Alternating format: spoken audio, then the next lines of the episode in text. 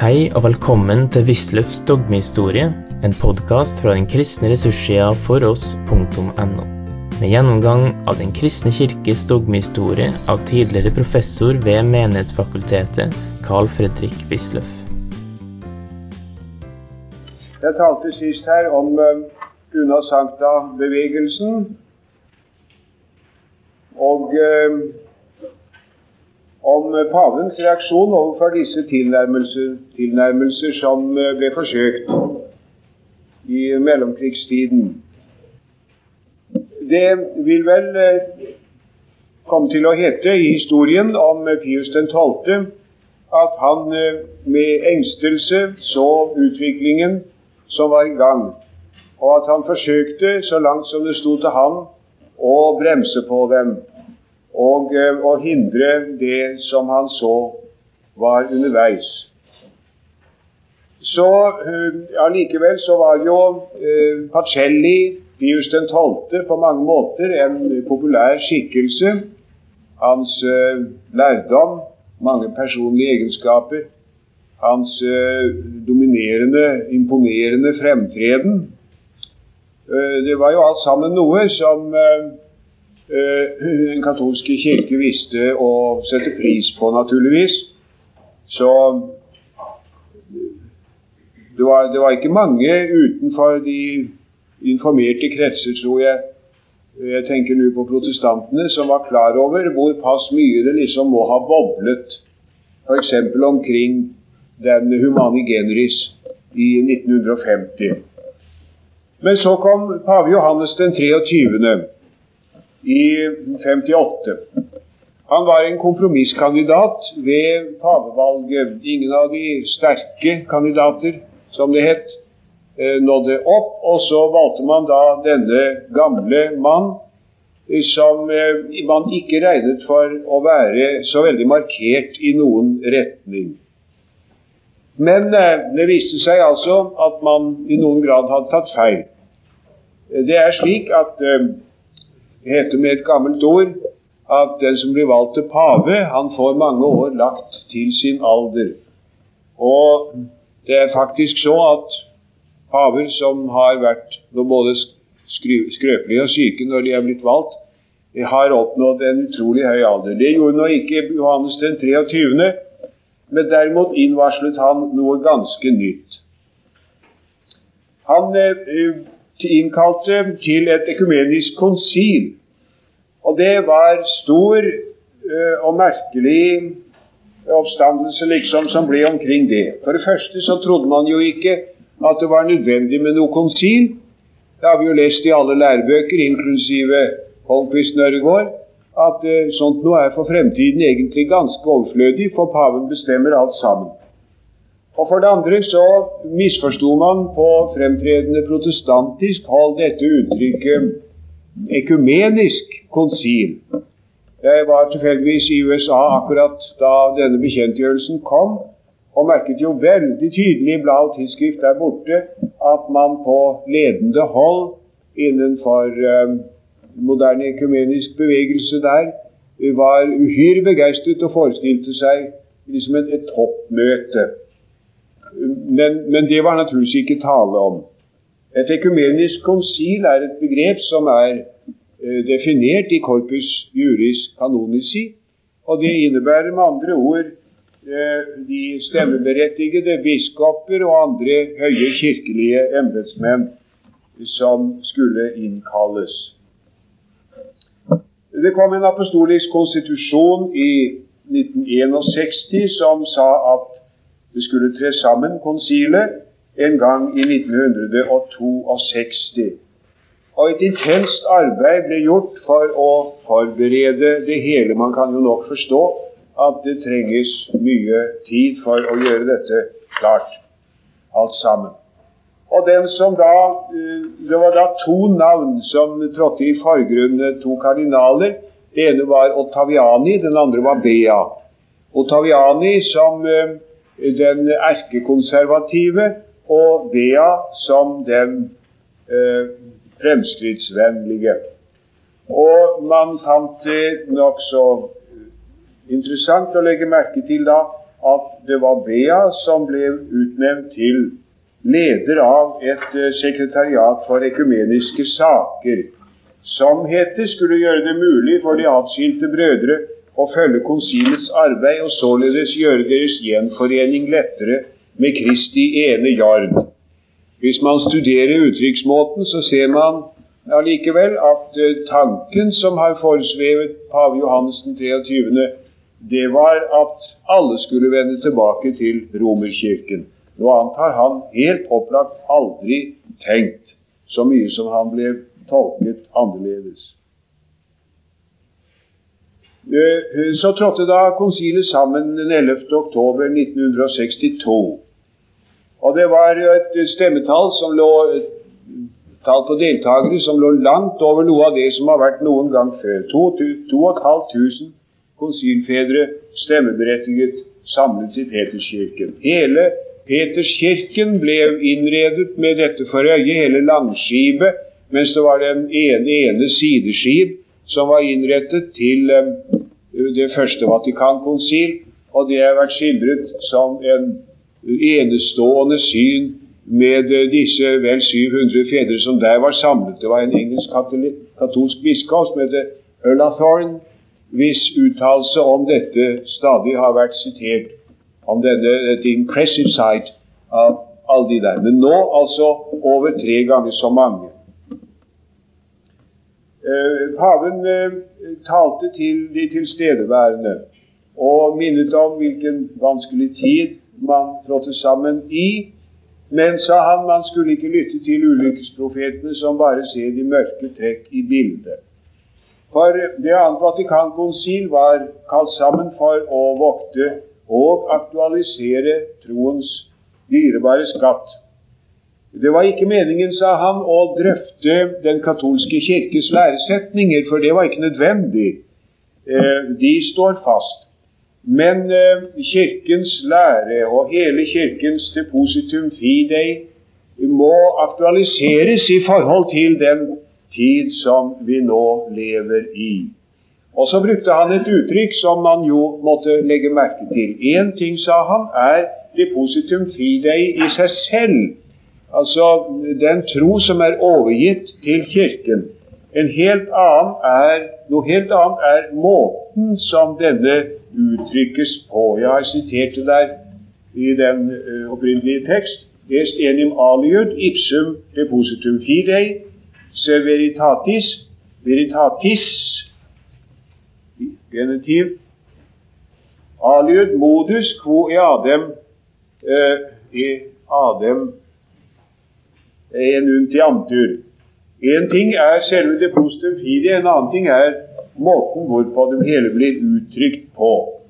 Og i den tid vi nå lever, sa paven, så vil Kirken heller gjøre bruk av barmhjertighetens medisin enn av strengheten i behandlingen av falsk lærdom, sa han, utvilsomt i pakt med vår tids måte å føle på. Denne distinksjonen mellom form og eh, substans i læren er eh, veldig alminnelig innenfor den nye teologi, men det overrasket voldsomt å se en pave uttale nettopp det der. Eh, det, uttrykksmåten og tankegangen svarer jo veldig dårlig i grunnen til den gamle tomistiske tankegang, ifølge hvilken det er mulig å finne en i enhver henseende adekvat uttrykksmåte for det man vil ha sagt, også i troen. Det, mer, det passer mer til eksistensialismens tankegang, ifølge hvilken jo sannheten liksom skjer i møtet mellom mennesker. Communication of truth occurs in the event. Og det eh, var derfor høyst bemerkelsesverdig at det ble sagt på den måten. Leder for Den teologiske kommisjon det var den nevnte general Ottaviani. Han var gammel, han var skrøpelig til helse, han var bl.a. Eh, nesten blind, eller halvveis blind, hørte jeg en, en katolsk uh, prest uttale. Og han var veldig konservativ. Han var uttrykket for det som heter kuriekardinalenes konservatisme. Lite innstilt på egentlig å gjøre noen forandring på noe. Stemmeberettiget var altså alle biskoper og ordensoverhoder, og dessuten så var det et antall periti, eksperter, og observatører. Det var observatører fra Kirkenes verdensråd og fra Det lutherske verdensforbund og andre denominations, deres internasjonale sammenslutninger. Eh, det var jo også noe nytt da i virkeligheten. Nå skal vi først ta i dag et raskt overblikk over begivenhetene ettersom de skjedde i store trekk. Og så skal vi etterpå ta for oss de viktigste av de dokumenter som ble drøftet og vedtatt på konsilet. Altså først en liten historisk oversikt over, over det som fant sted. Eh, man begynte med en gang med å behandle et par veldig viktige saker. Det ene var eh, liturgien. Eh, det utkastet man der hadde, det var i høy grad preget av den liturgiske bevegelses tankegang, som jeg har nevnt for dem flere ganger. Konservative krefter reiste sterk motstand imot dette. Dessuten kom et annet skjema, som det ble kalt, et utkast, og det var om åpenbaringens kilder. Der var situasjonen den motsatte. Der, det, var, det, det, var, preget av øh, den konservative tankegang. Det var Ottaviani som hadde vært med på å lage det. Uh, man talte om Skriften og åpenbaringen som to kilder. Uh, skriften og tradisjonen som to kilder for åpenbaringen. Her var det de progressive som protesterte. For de uh, likte ikke det der uh, Hock-skjema mihi non placet, sa den første kardinal som tok ordet i diskusjonen. Jeg liker ikke dette utkastet. Det gikk, altså, det gikk, gikk pressen om, for så mye latin er jo ikke så ganske få, tross alt, som får tak i. Eh, det var veldig protest, og da det så kom til en avstemning nokså snart, så ble det nedstemt. Eh, det forkastet av konsilfedrene. Så ble det oppnevnt en ny kommisjon, og der var begge disse antagonister med. Bea og Ottaviani. Man oppnådde et kompromiss, men da første periode sluttet i begynnelsen av desember 1962, så hadde man ennå faktisk ikke fått vedtatt noen verdens ting. Og det var mange som syntes at det var magre resultater. Men i virkeligheten så hadde man oppnådd kolossalt meget. Det kan man eh, forstå på mange måter. Man kan jo bare lese f.eks. den svenske katolikken Gunnel Valkvists bøker. Det kom tre av dem etter hvert om eh, Hun var nede som journalist og iakttager, snakket med folk og har skrevet noen nokså pratsomme, men uh, i grunnen interessante uh, bilder av det som foregikk. Og pressen var jo i høy grad representert der nede. man kunne danne seg et visst bilde av det som skjedde, og all verden forsto nokså snart at i virkeligheten var skjedd veldig mye. Det var nemlig skjedd at de progressive oppdaget at de i virkeligheten var i flertall. På konsilet var Ottavianis fløy i mindretall. Og det bredte seg liksom en, nesten en seiersstemning i disse kretser som hittil ikke hadde visst hvor sterke de var at de faktisk hadde flertall og derfor skulle kunne gjøre merkelige ting eh, når eh, ettersom de bare fikk tid på seg. Det begynte å gå vitser f.eks. som talte om dette. Det var F.eks. så ble det sagt at, at Har du hørt siste nytt? Det var Ottaviani og Siri og enda en, en konservativ, erkekonservativ kuriekardinal som var ute og rodde, og dermed så veltet båten. Hvem ble da reddet? Kirken. Det er jo ikke så pent, akkurat. Men uh, man syntes det var morsomt, og det var, var, var stemningen på progressivt hold. Vrimlet av slikt.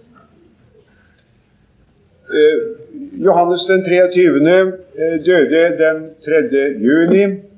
Og tre uker etter, det gikk veldig fort, så ble kardinal Montini pave og tok navnet Paul den 6. Han Ja, det var, det var, veldig spenning, som det jo alltid er når det skal velges en pave.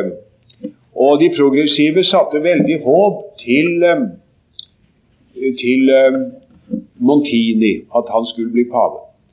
Og det eh, har fortalt at da det ble bekjentgjort på vanlig måte fra balkongen i Peterskirken Det kommer et signal først. Man ser røken stige opp eh, og forstår at det stemmesedlene brennes. Og, og det er altså Man kan si at nå er det valgt en pave. Da går det ilbud. Da marsjerer det opp. Det så vi på fjernsynet. Det marsjerer opp eh, politi og militær, og på utrolig kort tid så er plassen full av mennesker. Og så kommer der en ut og sier Jeg forkynner eder en stor glede. Papam habemus.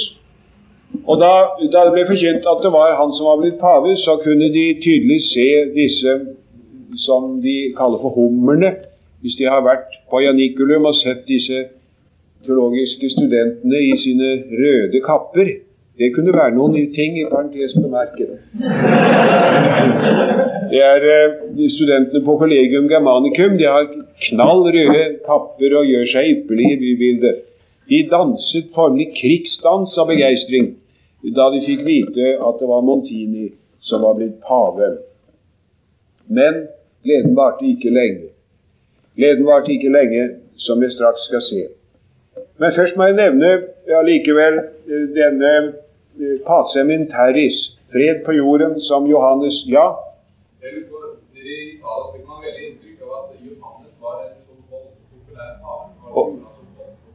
Og jo, voldsomt, det. Det er ubegrenset. Han øh, øh, Det er sikkert nok han, øh, han var jo så veldig forskjellig fra den andre. Han var han populær Pearson Tolte også, men han var en høy, slank, asketisk skikkelse, strengt ansikt. Han dominerte veldig ved sin personlige fremtreden. Det er masser av skildringer om det. Morton, f.eks., denne engelske journalisten, som har skrevet masse bøker, reiseskildringer og annet. Han har en bok om eh, opphold i Rom og skildrer inntrykk som Pius gjorde under en audiens om denne skikkelsen. Han sier til slutt at han, han tegnet et kors så tydelig som han syntes fargene ble stående i luften da han så snudde seg og gikk videre, sier han. Jo, han imponerte veldig, men det var liksom noe sånn gemyttlig hjertelig ved denne gamle tykke, trivelige Johannes den 23. Og man hadde ikke følelsen av at han var et stort intellekt. Det man, kunne man lese seg til også i St. Olav etter hvert. Hans uh, forskjellige uttalelser, f.eks. den Pacem Interis, ble hva det angår, forholdsvis nedlatende vurdert. Man talte om longører og, og annet sånt noe. Så noe veldig intellekt hadde han ikke, men, eh, men et stort hjerte. Og så var det dette Man hadde følelsen av at noe nytt ble Den er jo en berømt anekdote om at uh, noen journalister spurte ham uh, hvorfor han sammenkalt et konsil, og uten å si et ord gikk han bort og slo opp vinduet. Den slags ting. Han har talt til folks fantasi, så han er uten all tvil enormt populær, men han har ikke gjort det lett for den armingen som tok over. Det er helt sikkert. Men jeg skulle først ha nevnt at i den Patsem Interis hadde han en uttalelse om um, hvor han nok tok avstand fra den kommunistiske ideologi, men stilte seg nøytral i forhold til de kommunistiske stater. Så han i grunnen uh, inaugurerte dette forsøk på å komme til en viss forståelse. Det hadde jo Pius 12. slett ikke gjort. Og ved, når det var valg, det var særlig et i slutten av 40-årene et veldig viktig parlamentvalg i Italia, så blandet jo Kirken seg direkte opp i det. F.eks. valgplakater hvor det kunne stå som sånn at uh, på valgets dag kolon Husk, Gud ser deg. Det gjør ikke Stalin. Man føler seg jo da nokså takknemlig over at man kan slippe å velge under det under slik auspisier. Eh, men altså der innstilte Johannes den 23. seg helt annerledes. Han, eh, han uh, tok avstand fra den kommunistiske ideologi, men ikke fra de kommunistiske stater og Det har jo Montini senere også forsøkt å føre videre.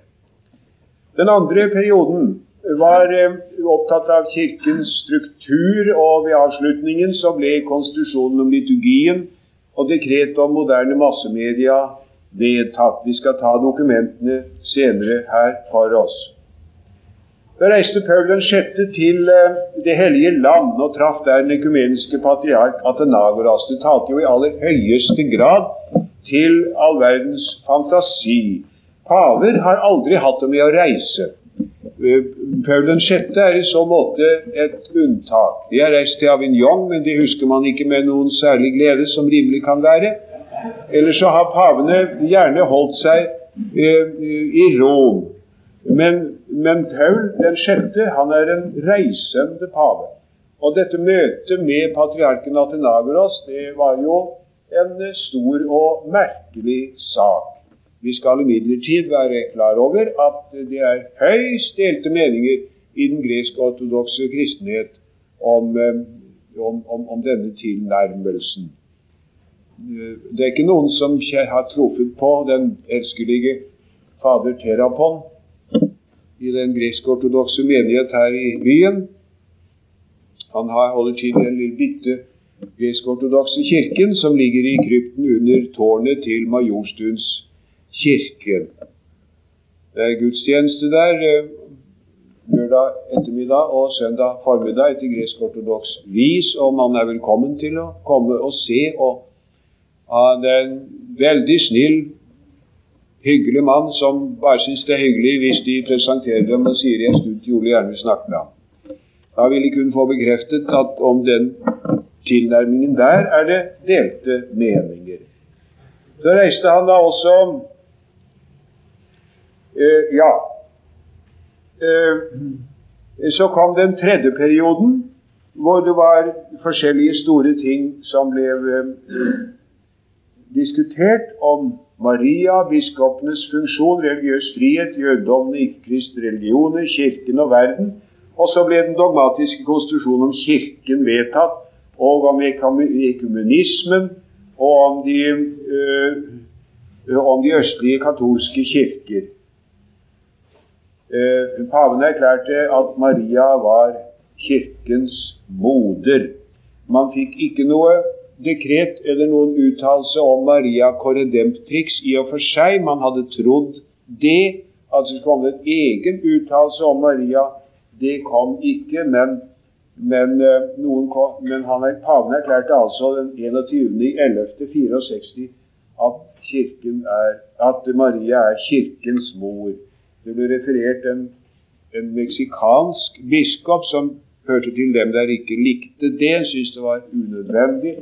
Og han skal da i vitners nærvær ha sagt at det må vel i så fall være bestemor, for Kirken er jo vår mor. Vår bestemor, altså. Må være vår bestemor, for Kirken er, er vår mor. Ja, jeg vet ikke om det var så veldig verdig uttalelse å komme med akkurat av en biskop. Syns egentlig ikke det. Men som belysning av eh, stemningen så kan det jo være verdt å ta den med. Så kommer eh, den fjerde perioden eh, i 65, den siste. Da ble det etablert en bispesynode. Og eh, man begynte debatten om Kirken og verden. Et papir ble vedtatt om det. Legmannsapostolat og åpenbaringen. Noe av det aller viktigste. Under eh, denne tiden besøkte paven United Nations. Og det var Jeg vet ikke om, om det er noen som så det på fjernsynet. Det var virkelig følt som en verdensbegivenhet, det må man si. Var, salen var pakkfull i United Nations av representantene. Det er visst ikke alltid den er det, etter hva jeg forstår. Det var en av de store dager. Og eh, alle reiste seg idet denne hvitkledte skikkelse kom inn og meddelte velsignelse til alle kanter, sånn som han pleier å gjøre. Ganske merkelig å se det, og man kunne jo ikke annet enn å tenke du verden, det er rare tider vi lever i. Og så eh, kom da om biskopenes embete, om Kirken osv. Ja. Og uh, det ble vedtatt, disse her. Og han gjorde kjent at det var tatt skritt for å erklære Pius 12. og Johannes den 23. Eh, for salige. Det første skrittet på veien til altså en kanonisering. At de er helgener. Uh, man, man, har nok inntrykk av at 64 det var den eh, vanskelige, vanskelige tiden. Eh, da var det ganske mye, ganske mye kritikk å fornemme på konsilet og ute i den vide verden. Eh, jeg nevner dette her og tar vi meg senere ikke så mye om det.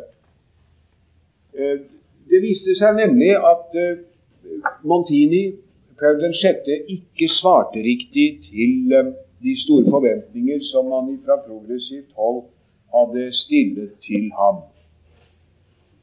Egentlig hadde man vel kunnet beregne det på forhånd, at det ikke var lett å holde den kursen helt og fullt. Det religiøse overhodet for 500 millioner katolikker og mer måtte jo naturligvis føle ansvar for denne kirkes tradisjon, og kunne ikke lett gå med på altfor voldsomme forandringer på alle kanter. Han må ha hatt en umådelig vanskelig stilling eh, som pave. Han, eh, det, det, viste seg derfor at han eh, også gang på gang liksom trådte på eh, demperen. Den første encyklika han kom med, det var i 64. Den het Eklesiam Suam, Kristi kirke. Og der eh, advarte han like frem. Han sa det at vi er eh, Vi vil gjerne fremme Kirken, sa han. Kirkens fornyelse, det står for oss for alle for øye.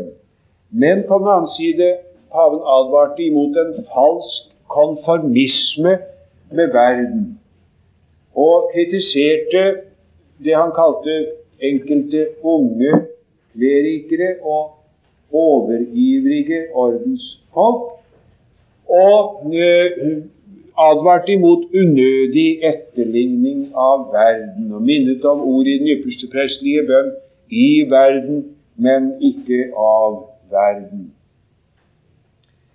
Samtidig så uh, strakte han for så vidt armene vidt ut og sa at paven har og må ha en relasjon til alle mennesker. Han talte om fire områder. Man fikk bilde av paven som sentrum i et system av konsentriske sirkler. Ytterst uh, er det hele menneskeheten. Alt menneskelig angår Kirken og dermed paven. Og uh, dernest den andre sonen, det er uh, de mennesker som tilber en, en høyeste Gud, som vi også tilber. Han nevner der jødene, f.eks. Alt som er sant, det angår, angår Kirken og angår paven. Og den tredje innerste området, tredje området innover, det er da den, eh, de, alle, alle, kristne, alle kristne ikke-katolikker. Og det innerste er den katolske kirke. Alt sammen har på en måte relasjon til Kristi kirke, og dermed til paven.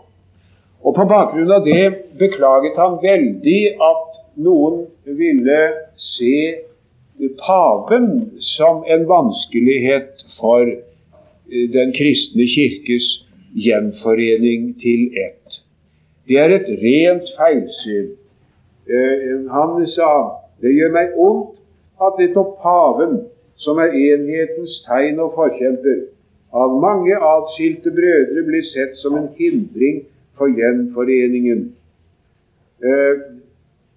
Vi ber dem kritisk vurdere en slik oppfatning, og det ikke bare fordi Den katolske kirke ikke lenger ville være seg selv uten paven, men også fordi Kirkens enhet ville ligge i ruiner uten det øverste, virksomme og avgjørende Peters hyrdeembete. Dette kalte man eh, f.eks. i Christian Century over i Amerika som eh, tvetydig tale. Tvetydig tale eh, den, det adjarnamento som Paul 23, Johansen 23. hadde innvarslet, skulle på denne måten være brakt til sin avslutning. Uh, det var altså aggiornamento. Um, ja, det engelske 'up to date' er vel det som direkte oversatt passer best her. Uh, men, men, hvor blir det av det, spurte man da på alle hold. Og uh, Christian Century var likefrem uh, ubehagelig grov og sa det at i henhold til en vidt utbredt oppfatning så er et menneskes ånd til stede i og i nærheten av hans legeme kortere eller lengre tid efter døden. Og da Johannes den 23. døde, så hadde vi nok en tid følelsen av at hans mektige ånd ennå stadig var til stede og gjorde seg merkbart gjeldende i Kirken, men han må visst nå ha forlatt Kirken, ble det sagt. Og lignende ting kom, kom rett som det var. Det kom f.eks. også i forbindelse med uh, dekretet om religionsfrihet, uh, hvor som også Christian Century, som er altså det liberalteologiske Eh, tidsskrift over i USA. Vi kommenterte det under overskriften 'Romano manon troppo'. Altså 'manon troppo', men ikke for meget, er jo et kjent uttrykk i, i musikken. 'Allegro manon troppo'. Det skal gå fort, men ikke for fort. Romano manon troppo.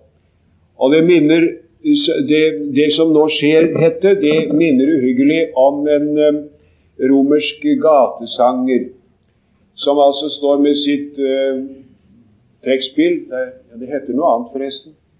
Han står med sitt trekkspill, og så trekker han det ut, og så skyver han det inn. Og det ene øyeblikk på konsilen så er det veldig tale om kristenhetens enhet. Men så i neste øyeblikk så er det altså eh, paven som er uttrykket for enheten, og, og hvor blir det så av enheten? Og så videre og så videre. Det, man hadde, jeg nevner det som uttrykk for den stemning som bredte seg, og som man også tydelig kunne merke på katolsk hold, selv om det naturligvis ble verbalisert annerledes. Følelse av at det var på en eller annen måte gått i stå. Det um, For nå å foregripe for så vidt litt, vi skal påvise det mer etter hvert, så må vi nok si at um, for så vidt angår dokumentene, så har de progressive ikke kommet så langt som de gjerne ville. Jeg skal påvise det mer i detalj etter hvert. I dokumentene er det tydelig motstridende tendenser å merke. Noen som peker i retning av den progressive tenkning, mer modernistiske tenkning, og noen som holder igjen. Vi skal se på det som sagt mer i detalj. Vi kan ta for oss nå den apostoliske konstitusjon det sakra liturgia. Det var det første som ble vedtatt. Og vi kan ta det forholdsvis raskt, eftersom eh, jeg har talt relativt inngående her om den moderne liturgiske bevegelses uh, ideer. Det er ingen som helst tvil om at dette er det punkt hvor de progressive tankene nådde mest, slo mest igjennom. Det er skjedd en liturgisk forandring i den romerske kirke som er høyst merkelig. Jeg har satt opp noen punkter her. For det første eh, så er liturgien ikke lenger prestens monopol. Det var presten det kretset om alt sammen. Det var ikke noen andre. Eventuelt om det var flere prester, og det var jo ofte mange, så er det prestene en eh, episkopal messe, en høytidelig messe i de store basilikaene i Rom, er jo et veldig oppbud av geistlige. Et rent skuespill som utfolder seg, men menigheten den står og ser på, for så vidt ikke de enkelte menighetslemmer leser sine egne bøker og teller sin rosenkrans. Nå skal det være slutt på det. Nå er det riktignok ennå den rettelig viede romerske prest som bærer handlingen, men nå sammen med folket. Kirken er liturgiens subjekt, men da slik at hver enkelt tar sin plass og funksjon, hierarkisk rangert og ordnet.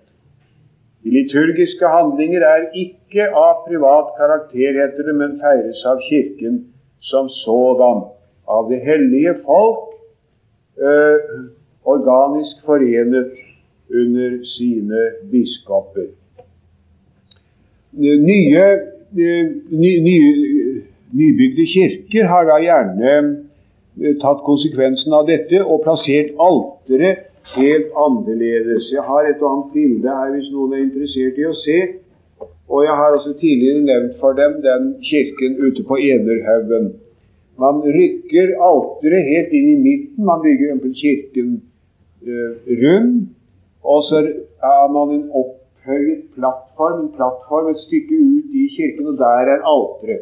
Så er det en halvsirkel rundt, eller som jeg har et bilde på her, praktisk talt en hel sirkel rundt, hvor, hvor folket sitter og deltar i messens handling på den måten.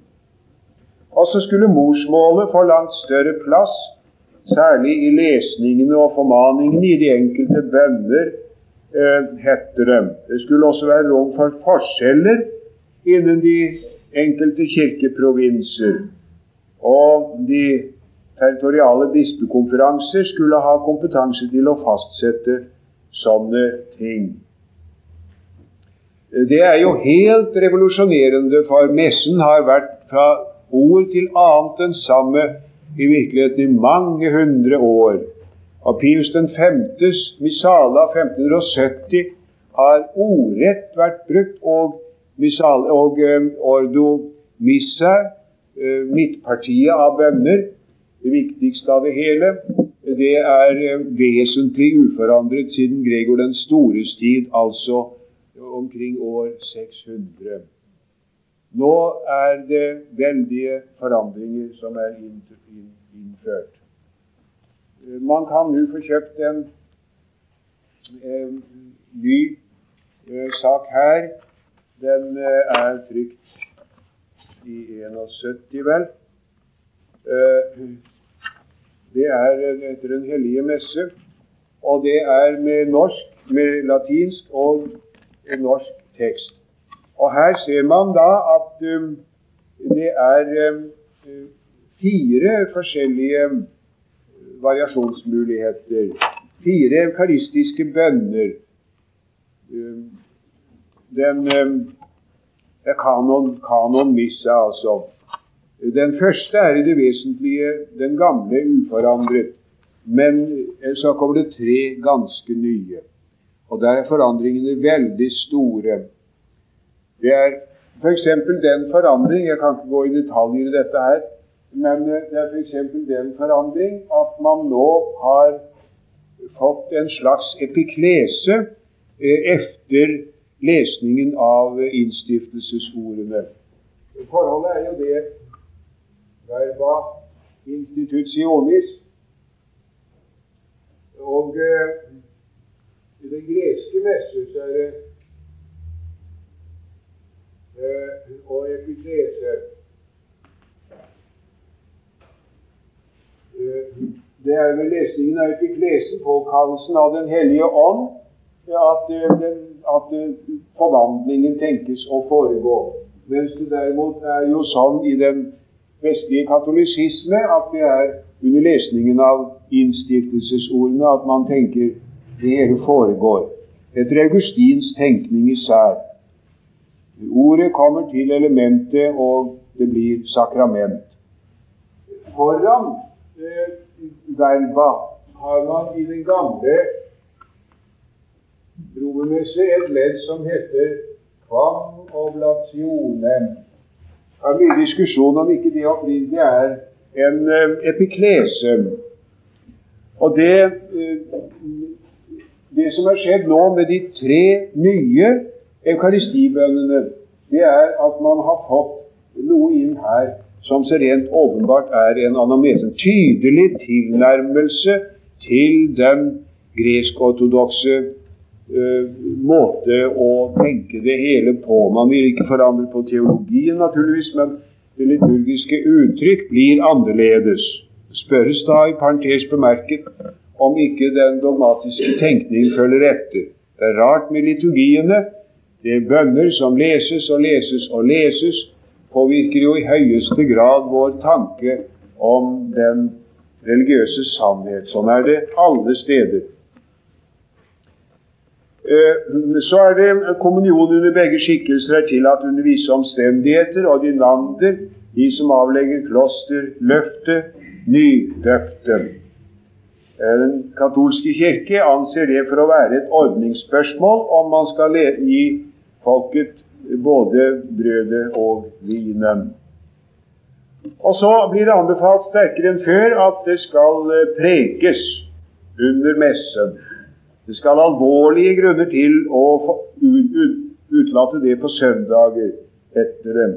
Og så skal man få et nytt leksionar, eh, ny ordning med tekster, og det er også revolusjonerende. Det er ikke blitt noe enda av. Det er selvfølgelig en veldig lang teknisk sak å få ordnet. Men man tenker seg at eh, leksjonaret er oldkirkelig. Og går tilbake kanskje til det fjerde århundret, da er det veldig ting som skjer når man altså ser også dette på den måten brytes opp. Det kan komme til å gå sånn at den lutherske kirke er det eneste som i det vesentlige fastholder det gamle leksjonar i og med vår første rekkes epistler og evangelier. Hvem vet? Og så blir det, eh, så blir det anbefalt at legfolket skal kommunisere i messen. Uh, altså på en tilsvarende måte som vi, som vi, har. Det har jo nemlig ikke uten videre vært det vanlige. Uh, det kan skje, men i encyklikaen Mediator Dei et hominum sier paven i 1947 at det er på ingen måte nødvendig. Det også, kan også være gode grunner til å kommunisere utenfor messen. Ja, hvordan skjer det, da? Jo, det skjer rett og slett ved at ø, presten da låser opp tabernakelet, som det heter, det lille skapet på alteret, står som regel på alteret, hvor pyksis står med konsekrerte oblater. Uh, ser ut som en stor uh, vinkalk. Oppi det er det konsekrerte oblater. Altså Innstiftelsesordene har tidligere vært lest over disse, så de er etter den dogmatiske teori da ikke lenger brød, men det er Kristi legeme. Det er Kristus ipse. Og så uh, deler, han, deler han ut. Domine non sum dignus leser han da, sånn som han pleier å gjøre. Det er ordene til den fromme høvedsmann. Herre, jeg er ikke verdig til at du går inn under mitt tak, men si bare et ord, så blir min sjel helbredet. Domine non sum dignus. dignus.